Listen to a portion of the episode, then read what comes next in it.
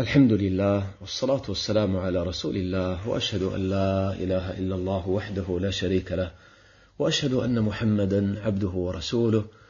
أيها الإخوة أيها الأخوات تخيلوا لو أننا فجأة سمعنا مما حولنا من الجدران من الأرض من السماء من الحيوانات من النباتات.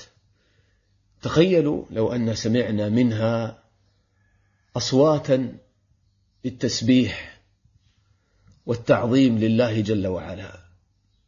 تخيل هكذا فجأة تسمع صوت سبحان الله سبحان الله سبحان الله وإذا به ينبعث من الأرض التي تمشي عليها أو من السيارة التي تركبها أو من الطير الذي تراه يطير في السماء.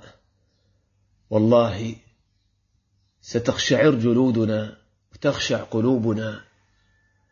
ولن يستطيع الإنسان إلا أن يلهج بتسبيح الله تعالى. وهذه حقيقة يقينية لا شك فيها. الله تعالى أخبرنا بها.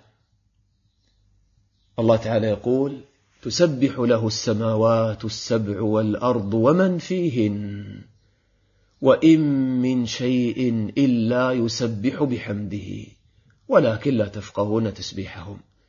وإن من شيء من السماوات من الأرض من الأشجار من الجبال من الأنهار من البحار من الحيوانات من النباتات من الجمادات.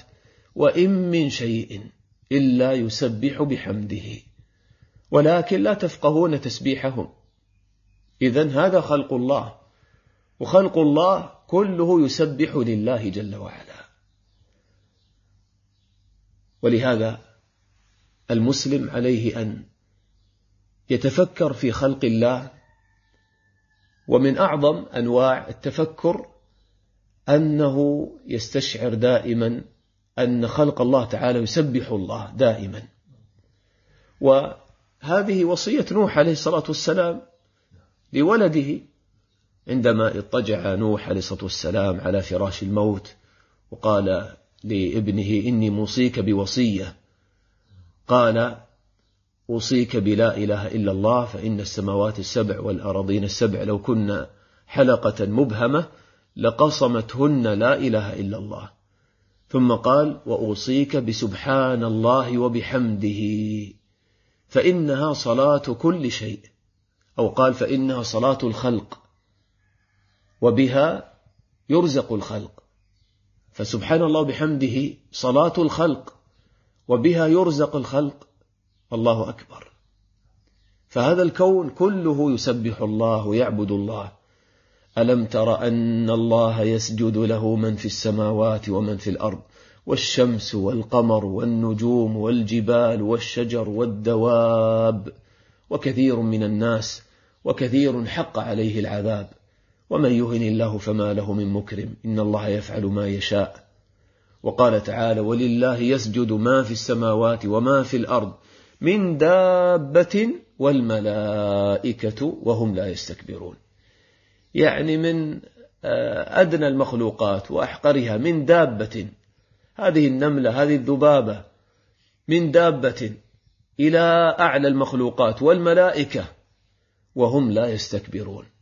يخافون ربهم من فوقهم ويفعلون ما يؤمرون.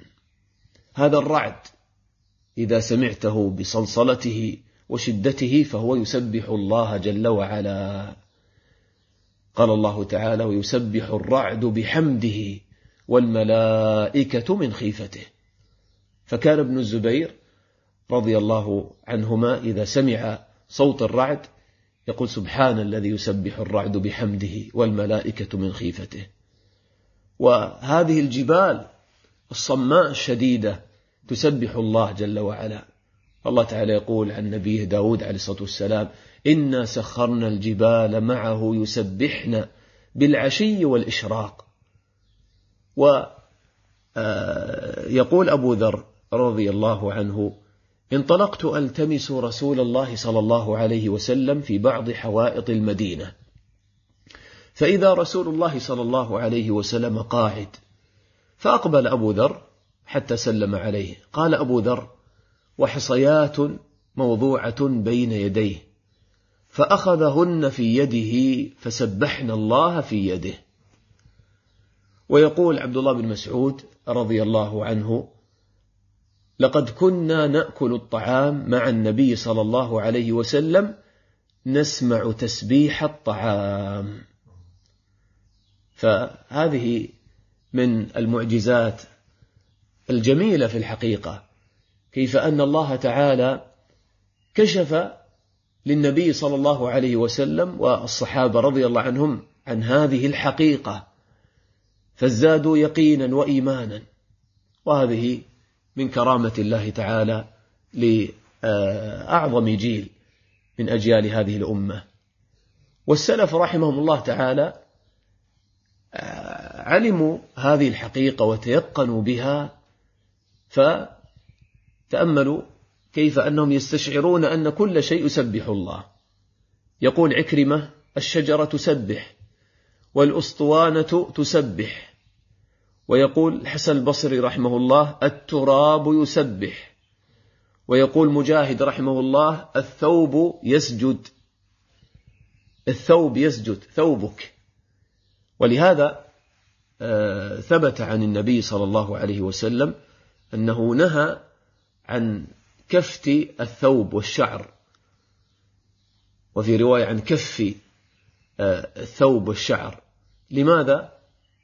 المقصود بكفت الثوب يعني أن المصلي إذا أراد أن يركع أو يسجد بعض المصلين ربما يضم ثوبه ويجمع ثوبه آه، حتى لا يضايق من آه، بجانبه مثلا. أو حتى يكون هذا آه، أحسن لحاله فيكون الثوب مجموعا ويسجد. لكن النبي صلى الله عليه وسلم نهى عن هذا قال العلماء الحكمة من هذا أن المصلي يترك الثوب يسجد معه كما تسجد أعضاؤه. هكذا يترك ثوبه وشعره يسقط على الأرض ويسجد معه. فهذا يعني مما يدخل في هذا المعنى والله أعلم. وتأمل كيف هذه الحقيقة أثرت تأثيرا عمليا. يقول مكحول رحمه الله لا يعيبن أحدكم دابته ولا ثوبه فإن كل شيء يسبح بحمده. يعني لا تذم ثوبك تقول هذا ثوب آه، وسخ هذا ثوب قبيح هذه دابة آه، يعني تسبها أو تذمها آه، لا تطيع أو كذا لا تنقاد لي. لماذا؟ قال فإن كل شيء يسبح بحمده. ولا تدري لعل هذه الدابة التي تركبها ربما تكون أكثر تسبيحا منك. فعلى المسلم إذا أن يعرف هذه الحقيقة ويسبح الله تعالى دائما. ويقول أبو إدريس الخولاني رحمه الله الزرع يسبح ويكتب الأجر لصاحبه لأن من دل على خير فله مثل أجره. فإذا كان هذا الإنسان هو الذي زرع هذا الزرع يعني أو حرث هذا الزرع فيكتب الأجر له. سبحان الله. وما أجمل أن تصبح تصلي الفجر ثم إذا بك تسمع تغريد الطيور والعصافير. سبحان الله في هذا الوقت. وكذلك قبل غروب الشمس. وكأنها تسبح الله تعالى بكرة وعشيا كما قال الله تعالى ألم تر أن الله يسبح له من في السماوات ومن في الأرض؟ والطير صافات كل قد علم صلاته وتسبيحه. كل قد علم صلاته وتسبيحه. وتم كيف قال والطير صافات صافات أجنحتها. وما يمنعها طيرانها ولا انشغالها بمصالحها ورزقها ما يشغلها ذلك عن تسبيح الله تعالى. كل قد علم صلاته وتسبيحه. وكما قال الله تعالى عن نبيه داود عليه الصلاة والسلام والطير محشورة كل له أواب. فيسبحنا الله تعالى معه. وهذا النمل يسبح الله تعالى. يقول النبي صلى الله عليه وسلم قرصت نملة نبيا من الأنبياء فأمر بقرية النمل فأحرقت فأوحى الله إليه أن قرصتك نملة فأحرقت أمة من الأمم تسبح الله. هدهد سليمان عليه الصلاة والسلام جاء إلى سليمان هذا الهدهد الصغير يقف أمام هذا الملك الكبير والنبي الكريم صلى الله عليه وسلم يقول أحطت بما لم تحط به وجئتك من سبأ بنبأ يقين إني وجدت امرأة تملكهم وأوتيت من كل شيء ولها عرش عظيم وجدتها وقومها يسجدون للشمس من دون الله وزين لهم الشيطان أعمالهم فصدهم عن السبيل فهم لا يهتدون. ألا يسجدوا لله الذي يخرج الخبأ في السماوات والأرض هذا الهدهد يغار على توحيد الله ويقول ألا يسجدوا لله الذي يخرج الخبأ في السماوات والأرض ويعلم ما تخفون وما تعلنون الله لا إله إلا هو رب العرش العظيم. فهكذا الكائنات كلها تسبح الله تعالى وتسجد لله جل جلاله. قد روي في الحديث وإن كان في شيء من الضعف لكن هو مما يستأنس به في هذا المقام أن الضفدع أن الضفدع نقيقه تسبيح لله جل وعلا. فهذا يعني أمر جميل ينبغي للمسلم أن يستشعره في آه، حياته دائما. تخيلوا لو أن دائما يعني نمشي بهذه الحقيقة. كل ما آه، رأيت شيئا تذكرت أنه يسبح الله. هذا ثوبك الذي تلبسه يسبح الله. هذه السيارة التي تركبها تسبح الله. هذا الطعام الذي بين يديك يسبح الله. هذا القلم الذي تكتب به يسبح الله. هذا الهاتف الذي تتكلم من خلاله يسبح الله. هذا الكون من حولك كله يسبح الله بسماواته وأرضه وطيوره وجباله وكل ما في الكون يسبح الله جل وعلا.